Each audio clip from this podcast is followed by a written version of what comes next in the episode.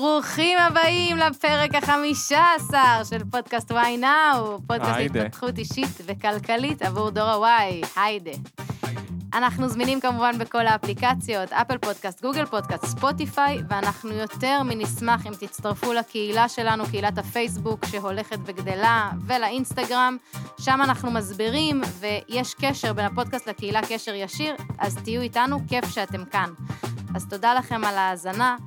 וחשוב מאוד לציין את קבוצת הכושר שלנו, Y Fitness, קבוצה שמקשרת בין עולם ההתפתחות האישית, הכלכלית, לאורח חיים בריא, לעולם הגשמי, לאיך כן, איך עושים את זה ואיך דואגים שזה יצליח ונגיע למטרות שלנו, גם בתחום הכושר.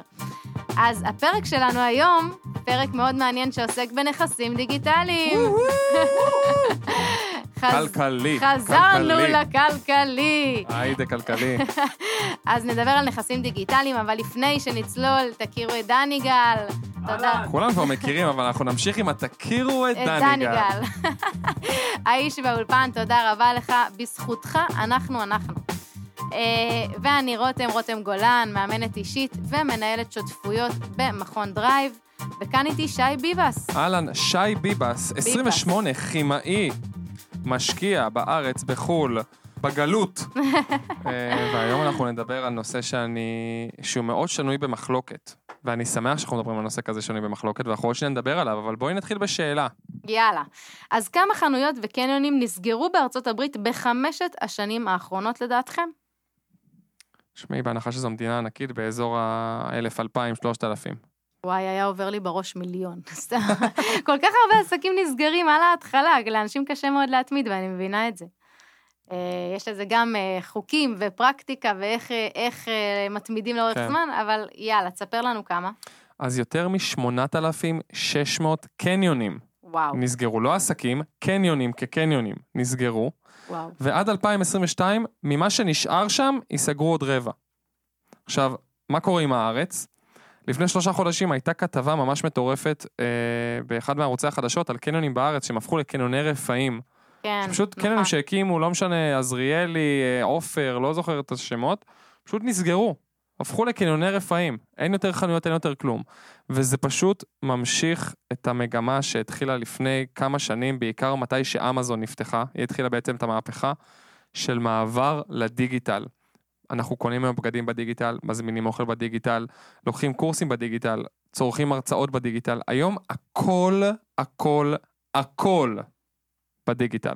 אשכרה. אפשר לחיות חיים שלמים מהבית, ופשוט לא לזוז מאיפה שאתה נמצא ולקבל הכל, לקבל בדיוק. אוכל עד הבית, בדיוק. אה, לימודים עד הבית, אוניברסיטה היום בזום, הכל קורה בדיוק. מהבית. עכשיו מצד אחד, זה הופך אותנו, זה מדהים, כי אנחנו לא צריכים לזוז. מצד שני, אנחנו הופכים ליותר עצלנים, כי אנחנו לא צריכים לזוז. ורוצים שהכל יגיע אלינו, ותהליכים בדיוק. קצרים, ואין זמן, ואין כוח להתמיד. עכשיו, אם אנחנו נסתכל על כל עסק שעובד היום, אנחנו נראה שפעם, אם עסקים היו בממוצע משקיעים 10% מה, אה, מהתקציב שלהם לפרסום, היום יותר מ-40% בממוצע, העסקים משקיעים על פרסום. למה? כי מבינים היום שהאינטרנט, שהמדיה, זה הכל.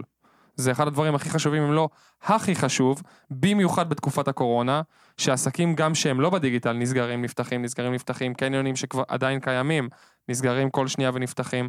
עסקים הבינו שאם הם לא יעברו מהר לדיגיטל ויפרסמו את עצמם בפרסומות, ויעשו קורסים דיגיטליים, או ימכרו את הבגדים שלהם, או יציעו משלוחים, הם פשוט יימחקו מהמפה. כאילו, אין יותר מזה. וואו. לגמרי. אגב, זה גם מאוד מובן. זה גם, חשוב להגיד שמנגד, זה באמת יכול לייצר המון יצירתיות, המון מחשבה אחרת לקניונים שרגילים, שהכל פיזי, פתאום הם ממציאים את עצמם מחדש, זה גורם להם להתקדם, זה גורם להם להיות יותר רלוונטיים, יש פה גם המון המון יתרונות. נכון.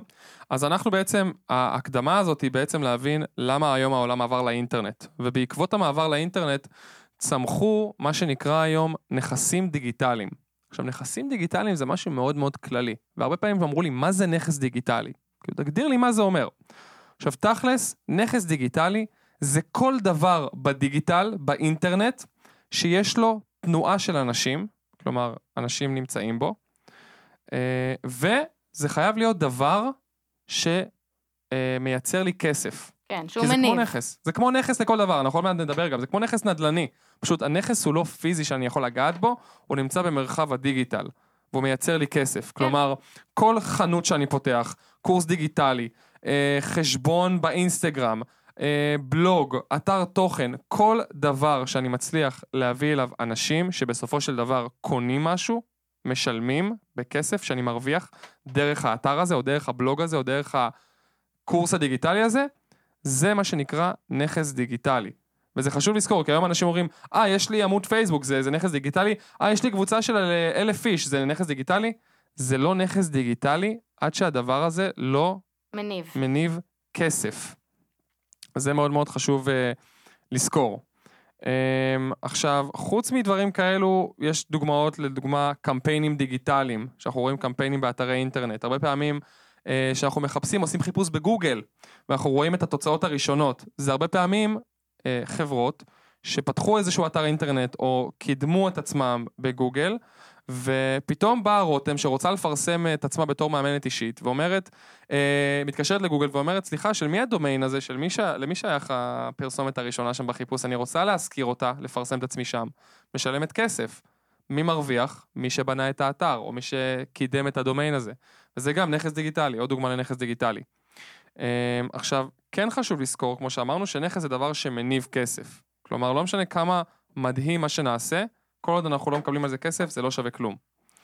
Um, עכשיו, אנחנו רוצים שתבינו בנכסים דיגיטליים, יש לנו הרבה מאוד יתרונות, אבל גם הרבה מאוד חסרונות. וחשוב שתבינו שנכסים דיגיטליים זה כרגע לפחות עולם, אנחנו עכשיו הולכים להתרכז בפרק הזה בנכסים דיגיטליים פסיביים. מה זה אומר פסיבי? שאני לא מייצר בעצמי נכס, אני לא יודע איך בונים אתר אינטרנט, אני לא יודע איך בונים אתר של uh, קורסים דיגיטליים, אני מדבר עכשיו על נכסים דיגיטליים פסיביים, כלומר, לשלם לחברה מסוימת שתחכים בשבילי נכס דיגיטלי. לא משנה עכשיו אם זה אתר אינטרנט, או, או אה, קורס דיגיטלי, או קידום ממומן, או קמפיין שיווקי, לא משנה. לא משנה עכשיו מה סוג הנכס הדיגיטלי. השורה התחתונה היא, מה היתרונות והחסרונות כאשר אנחנו משקיעים בנכס דיגיטלי בצורה פסיבית. משלמים למישהו שינהל את הנכס בשבילנו. כן, כלומר לא אנחנו מנהלים את זה, לא אנחנו אחראים לזה, אלא אנחנו הגוף המממן שרוצה לקבל מזה תשואה. בדיוק. עכשיו, מה היתרונות? היתרון הראשון, לרוב נכסים דיגיטליים הם דבר זול. כלומר, אנחנו נכסים, אנחנו ישר אה, עולה לנו נכסי נדל"ן, 300-400 אלף שקל במקרה הטוב, 500-600 ומעלה צפונה, זה הרבה מאוד כסף, ובגיל שלנו לא תמיד יכולים להרשות לעצמנו לקנות נכסים אמיתיים. אה, ולכן נכסים דיגיטליים הם נכסים שיכולים לנוע החל מכמה מאות שקלים בודדים, לשלם למישהו שיפתח איזשהו קמפיין דיגיטלי כזה או אחר, ועד אה, אלפי שקלים, עשרות אלפי שקלים, אבל אנחנו יכולים להתחיל להשקיע בנכסים דיגיטליים במרכאות, בסכומים מאוד נמוכים. ולכן יכולים להרשות לעצמנו להיכנס להשקעות כאלו. נכון, חשוב להסביר רגע אה, שהקמפיינים האלו והדברים שאתה מתאר פה, שאני נותנת כסף עבור זה שמישהו יתחזק קמפיין, זה לא עבורי. זה לא קמפיין של רותם. נכון. כלומר, זה חשוב שנייה להסביר.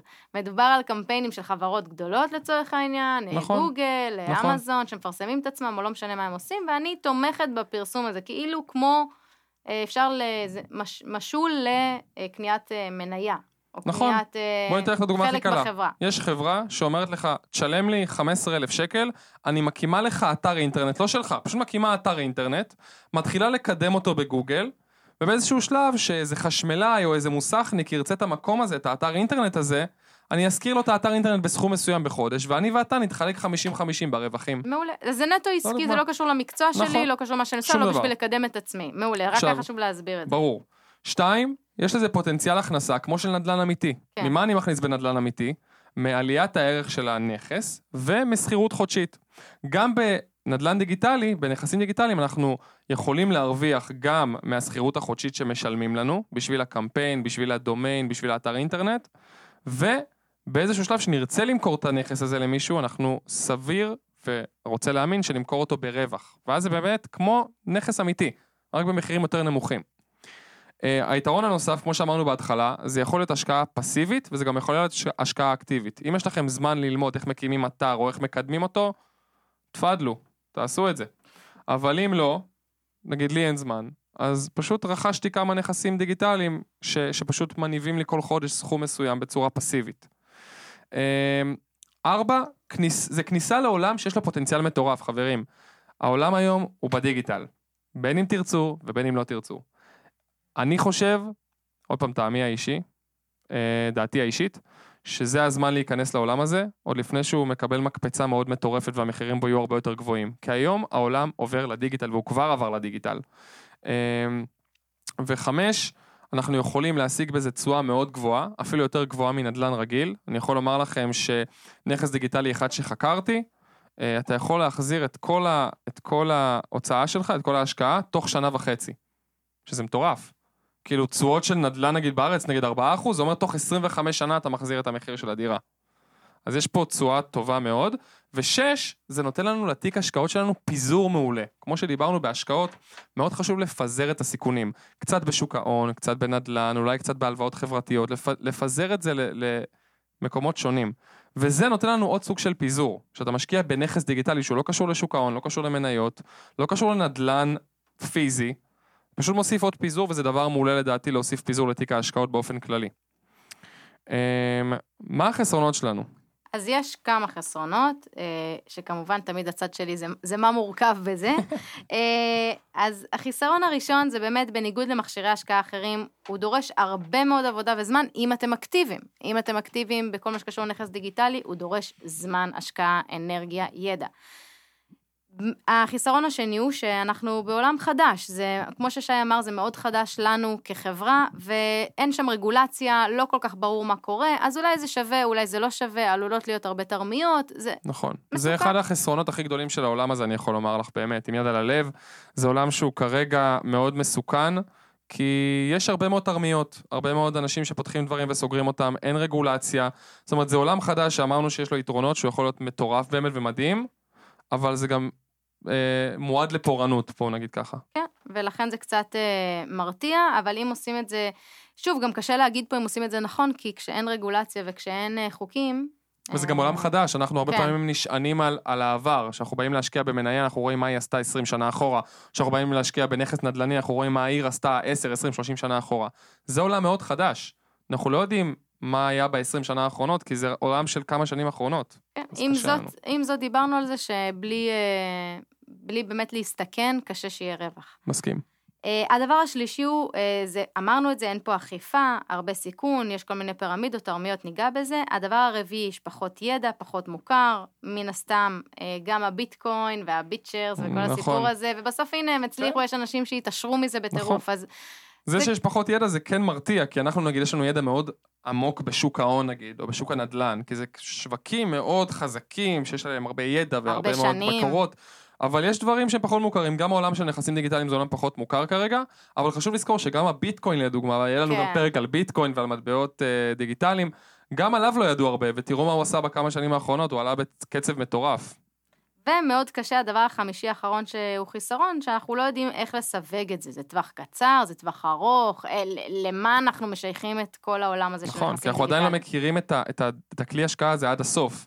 אז אני יכול להגיד, אני רוצה שזה יהיה לי לטווח ארוך. מאיפה אני יודע אם עוד עשר שנים כל העולם נכסים דיגיטליים ייפול, או שאני לא אוכל, לא יהיו יותר חברות שעושות את זה פסיבית? אני לא יודע, אני לא מכיר את העולם הזה. אז אני לא יודע אם זה באמת טווח קצר, טווח בינוני, טווח ארוך. זה הרבה ניסוי וטעייה. אמ, אז זה לגבי החסרונות. עכשיו, איך אנחנו תכלס לוקחים את הדבר הגדול הזה שנקרא נכסים דיגיטליים, כמו שאמרנו, ומתרגמים את זה לכסף? אז קודם כל, אה, נתחיל בעין האמור מעיד על השקעה והמלצה ו... וכו' וכו' וכו', כמו שאתם מכירים, אנחנו לא אומרים לכם במה להשקיע, אנחנו אומרים את דעתנו האישית בלבד, וההחלטה אם להשקיע או לא, זה החלטה שלכם בלבד, כמובן. אה, אז איך לוקחים את הדבר הזה, את הנכסים דיגיטליים, ומתרגמים את זה לכסף? מבחינה פסיבית אני אדבר עכשיו. אני מדבר היום על נכסים דיגיטליים פסיביים, אני מדבר לאנשים ששומעים אותי וכנראה עובדים במשרה מלאה במקום אחר, ולאו דווקא יש זמן להשקיע עכשיו בלהקים אתר אינטרנט חדש, או להקים איזשהו משהו, או איזה דומיין, ולהשקיע בזה זמן. מבחינה פסיבית, לנו אין את הזמן לזה, ולכן יש חברות שאומרות לנו, שי, בוא שים איקס כסף, אנחנו נבנה לך אתר, או אנחנו נבנה איזשהו קמפיין שיווקי, או אנחנו נבנה איזשהו, איזושהי חנות, שאם אנשים ייכנסו אליה ויקנו ממנה דברים, או אנשים יקליקו על הקמפיין השיווקי הזה, אנחנו נרוויח כסף. אנחנו נרוויח כסף, וכל חודש נגיד לך, שי, מהקמפיין הזה שרכשת, הרווחנו אלף שקל. עם האלף שקל, אנחנו נתחלק 50-50 לדוגמה, כי אנחנו כאילו בנינו את האתר ותחזקנו אותו וזה וזה, אתה שמת את רוב הכסף, ולכן החלוקה תהיה 50-50 ברווחים. זה בעצם נכס דיגיטלי שהוא פסיבי. אתה שם כסף, כל חודש אומרים לך, עשינו איקס כסף, בוא נתחלק 50-50, ויש גם פוטנציאל שהנכס הדיגיטלי הזה יעלה את הערך שלו לאורך זמן. זאת אומרת, אני מכיר לדוגמה איזשהו נכס דיגיטלי של קמפיין שיווקי, לא משנה, של איזושהי חברה, שחבר שלי קנה אותה באלף שקל לקמפיין אחד, ואחרי חודשיים הקמפ... הקמפיין השיווקי הזה, הנכס הזה, עלה מ-1,000 שקל ל-1,800. זאת אומרת, אם אני הייתי רוצה להיכנס אחרי חודשיים ולקנות קמפיין כזה, הייתי צריך לשלם 1,800 שקל. אז הוא יכל למכור לי את זה וכמעט להכפיל את הערך של הנכסים שלו. אה, כן. אז זה אבל לגבי... כן, אבל כן חשוב לציין שזה באמת בסכומים אה, יותר קטנים ממה שאנחנו רגילים לדבר עליהם בשוק ההון, בנדל"ן. נכון, שזה לד... לטעמי זה מעולה, כי זה גם עוד פעם, זה עולם מאוד חדש, ולכן אם אני הייתי עכשיו נכנס לנכסים דיגיטליים, כלומר נכנסתי לנכסים דיגיטליים, נכנס בסכום הרבה יותר נמוך, כן, כדי... כדי לנסות ורגע להרגיש את העולם הזה, לראות מי נגד מי. ואם חס וחלילה יקרה משהו ואני אפסיד הכל, אז לא עכשיו שמתי 100 אלף שקל. כן. אני מנסה להבין את העולם הזה. כן. ואנחנו גם ממליצים על זה על כל השקעה, גם בשוק ההון, גם שיוסי היה פה בפרק 10, בפרק 11, סליחה, הוא אמר, שימו קצת, אל תשימו את כל הכסף שיש לכם, תרגישו את זה, תראו איך זה נראה, ותמשיכו הלאה. זה לגבי כל השקעה, תראו איך אתם מרגישים עם זה, זה הכי חשוב. אמ, אז עכשיו, זה לגבי איך אנחנו ממנפים את זה לכסף. עכשיו, איפה הם נכנסים באסטרטגיית ההשקעות שלנו? הרי אנחנו תמיד מדברים על זה שכשאנחנו משקיעים, ההשקעה זו לא התוצאה, זו, זה הדרך. זו הדרך שלנו. ואנחנו, הדרך שלנו היא לפי המטרות שאנחנו מציבים לעצמנו. ולכן אנחנו צריכים לשאול את עצמנו את השאלה, אוקיי, נכסים דיגיטליים, איפה זה נכנס לנו באסטרטגיה? זה לטווח קצר, זה לטווח ארוך, זה לטווח בינוני, איך אני, איך אני עובד עם זה? אז אני לפחות חושב שנכס דיגיטלי הוא דבר מאוד חשוב, בגלל שכמו שאמרתי, אני מאמין מאוד מאוד גדול בפיזור. במיוחד בעולם שלנו, בעולם הקורונה, שדברים הם מאוד מאוד לא יציבים, ואנחנו לא יודעים מה יהיה עם שוק ההון מחר, או מה יהיה עם הנדל"ן מחרתיים, אנחנו צריכים כמה שיותר אפיקי השקעה שלא מתבססים על אותו הדבר. כלומר, דיברתי היום עם חבר שאמר לי, כן, שי, אני, כאילו, התייעץ איתי על הכספים שלו ומה לעשות, ואמר לי, תשמע, אני, גם יש לי חשבון אה, השקעות אה, עצמאי, גם יש לי פנסיה שיש לי בה X כסף, גם יש לי קופת גמל במקום אחד שיש בו X כסף, וגם פתחתי קופת גמל נוספת. ואז אמרתי לו, אוקיי, מגניב, אבל כל הארבעה אפיקים שתיארת עכשיו, הם שוק ההון. מה קורה אם שוק ההון נופל מחר? כל הארבעה הדברים האלו נפלו. למה לא לקחת חלק מהכסף, לשים אותו נגיד בנדלן דיגיטלי, לקחת חלק מהכסף, לשים אותו נגיד בהלוואות חברתיות, לקחת חלק מהכסף, לשים אותו, לא יודע במה, במיליון ואחד דברים אחרים, שיבטיחו לך שאם מחר שוק ההון נופל, אז בסדר, יש לי את. ההלוואות חברתיות שמכניסות לי איקס כסף אולי, ויש לי את הנדל"ן הדיגיטלי שלא, שלא מושפע מהשוק ההון. אבל לקחת את כל הביצים ולשים בסל אחד, זה משהו שאני לפחות כשי, אה, לא הייתי ממליץ. לא הייתי ממליץ כי זה פשוט סיכון מאוד מאוד גבוה. אני לוקח הרבה סיכונים בחיי, אבל זה סיכון נגיד שלטעמי לשים את כל הביצים בסל אחד הוא סיכון מאוד גבוה. אה, אז זה הדבר הזה. אני מאמין מאוד גדול בפיזור, ולכן אני הייתי נכנס לנכסים דיגיטליים, אה, והייתי מתחיל בסכום נמוך, כדי באמת להרגיש את השטח, לראות מה קורה עם זה, שבאמת מחזירים לי כל חודש את הכסף. עכשיו, שימו לב, שכמו שאמרנו, בגלל שזה עולם חדש, אנחנו לא יכולים לייעד את זה לשנים. אז אני הייתי מציב לעצמי איזושהי שנה, כדי להרגיש ולראות אם יש לי באמת החזר קבוע. עכשיו, אם אני רואה ששנה שלמה, באמת הנכסים הדיגיטליים עובדים ואני מקבל הכנסה קבועה, אז אני יכול לבוא ולומר, זה נראה לי דבר יחסית יציב. החברה נגיד קיימת איקס שנים, אנשים מרוצים, אז אוקיי, עכשיו אני מבין יותר, אני מרגיש יותר, הת... התנסיתי, אוקיי, עכשיו אני יכול להשתמש בנכס הזה ולייעד אותו לאחת המטרות שלי, למטרה לטווח קצר, למטרה לטווח ארוך, לא משנה. אבל אחרי שנה אתם כבר תרגישו את, ה... את העולם הזה. כן, וגם פה אנחנו תמיד חוזרים ומדברים פה על הדרגתיות, ולאט לאט, ולא צריך מ-0 ל-100, וגם אם שנה זה הלך טוב, אז אפשר להוסיף עוד קצת, ולא להוסיף ישר ברור. 100 אלף שקלים. ברור. עכשיו, חשוב גם להבין, עוד פעם, כשאנחנו משקיעים במשהו, אנחנו צריכים לראות את הפוטנציאל שלו. כשאתם משקיעים במניה, אתם רואים את הפוטנציאל שלה. כשאתם קונים בית, אתם רואים את הפוטנציאל צמיחה שלו. גם כאן, בנכס דיגיטלי, אנחנו רואים את הפוטנציאל. וכמו שאמרנו, הפוטנציאל כאן, לטעמנו, הוא עצום. כי עוד פעם, אנחנו משקיעים במשהו במרחב הדיגיטלי, במרחב האינטרנטי, שזה היום הכל, היום הכל באינטרנט, ולכן אני לפחות, כשאני בא ומשקיע בנכסים דיגיטליים, אני אומר, אני מקווה מאוד שזה ילך לכיוון טוב, אבל זה נראה טוב, כי היום העולם הולך לזה.